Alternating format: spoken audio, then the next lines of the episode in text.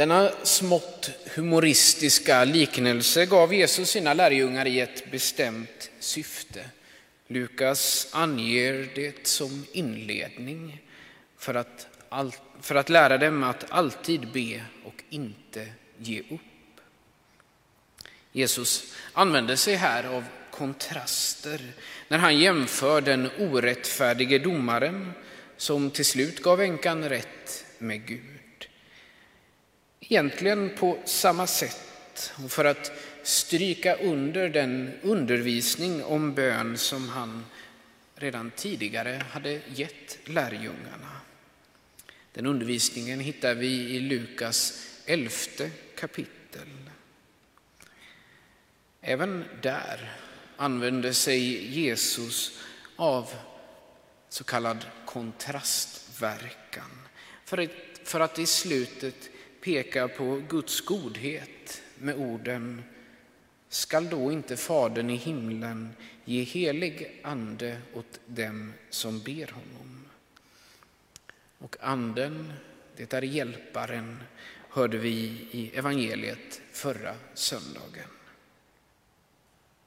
Det finns alltså ett samband mellan tro och bön. Och det kan låta så självklart att det alls inte behöver sägas, men Jesus gör själv den kopplingen i dagens evangelium.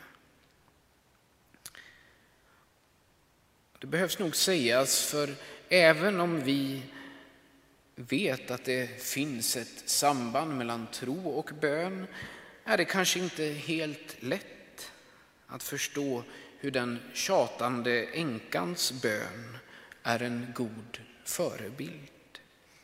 Hon hänger efter den här domaren som inte bryr sig om Gud och inte heller människor tills han till sist tröttnar och ger henne rätt så att hon inte ska pina livet ur honom. Eller som det står på ett ungefär i den grekiska grundtexten tills hon slår mig på käften eller ger mig en blåtira så att andra människor ser det när jag går ut och visar mig för dem. Så där käckt brukar vi inte tala om Gud, men Jesus gör det alltså. Han lockar fram leenden och banar väg för barnets tillit i oss. Och det är viktigt, för det är med bön som det mesta här i livet. Vi lär oss genom att göra och barnets tillit är en god hjälp. Och under bönen växer vi till i gemenskap med Gud och förenar oss mer med hans vilja. För bön är just det, att växa till i gemenskap med Gud och förenas med hans vilja. Bönen är inte någon magi som önskar att kontrollera Gud eller förverkliga sina egna syften. Så den tro som Jesus frågar efter och kopplar till änkans envishet och påstridighet eller som det egentligen handlar om, att ständigt be och inte ge upp, är den där uthålligheten i bönen förankrad i tron på Jesus och frälsningen som finns hos honom. Jag tänkte därför till sist också säga något om hur, om hur vi ska göra som kyrka, som församling, som enskilda kristna. Men för att ana något om hur så måste vi veta något om hur. Det berättas om hur i Andra Moseboks 17 kapitel. Sammanhanget där är att Guds folk strider mot världen, mot de som står Guds folk emot.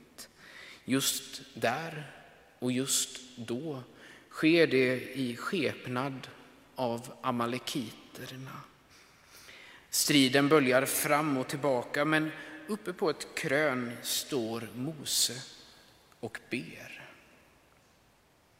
Så länge hans händer är lyfta till bön så är det Guds folk som har övertag. Går de väl i striden. Men så fort händerna sjunker så får Guds fiender övertaget. Då berättas det om hur, om Aron och hur som ställer sig på varsin sida om Mose.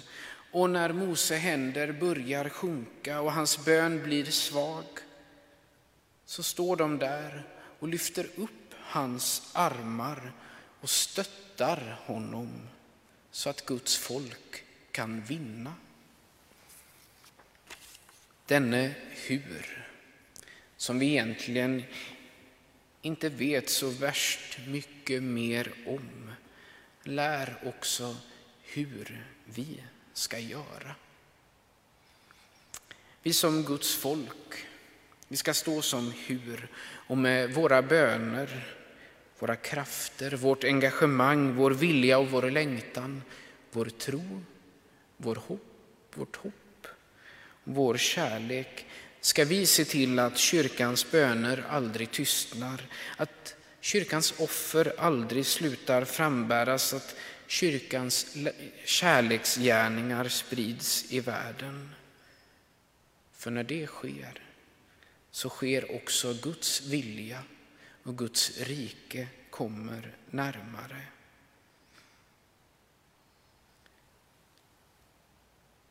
Om eller när vi då och då tycker att uppgiften att vara ett Guds folk i världen är oss övermäktig och allt känns hopplöst, då ska vi veta att runt omkring oss finns det en massa hur.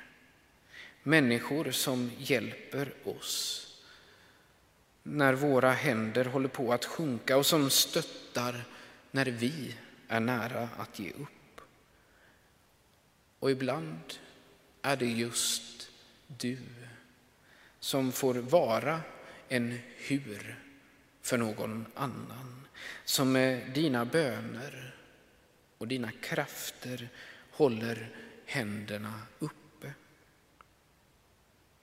Bakom oss alla finns den mäktigaste kraften, inte bara i världen utan också i himlen, Jesu egen bön som är kyrkans bön. En bön till seger och världens frälsning. Ära vare Fadern och Sonen och den helige Ande, så som det var av begynnelsen, nu är och skall vara, från evighet till evighet. Amen.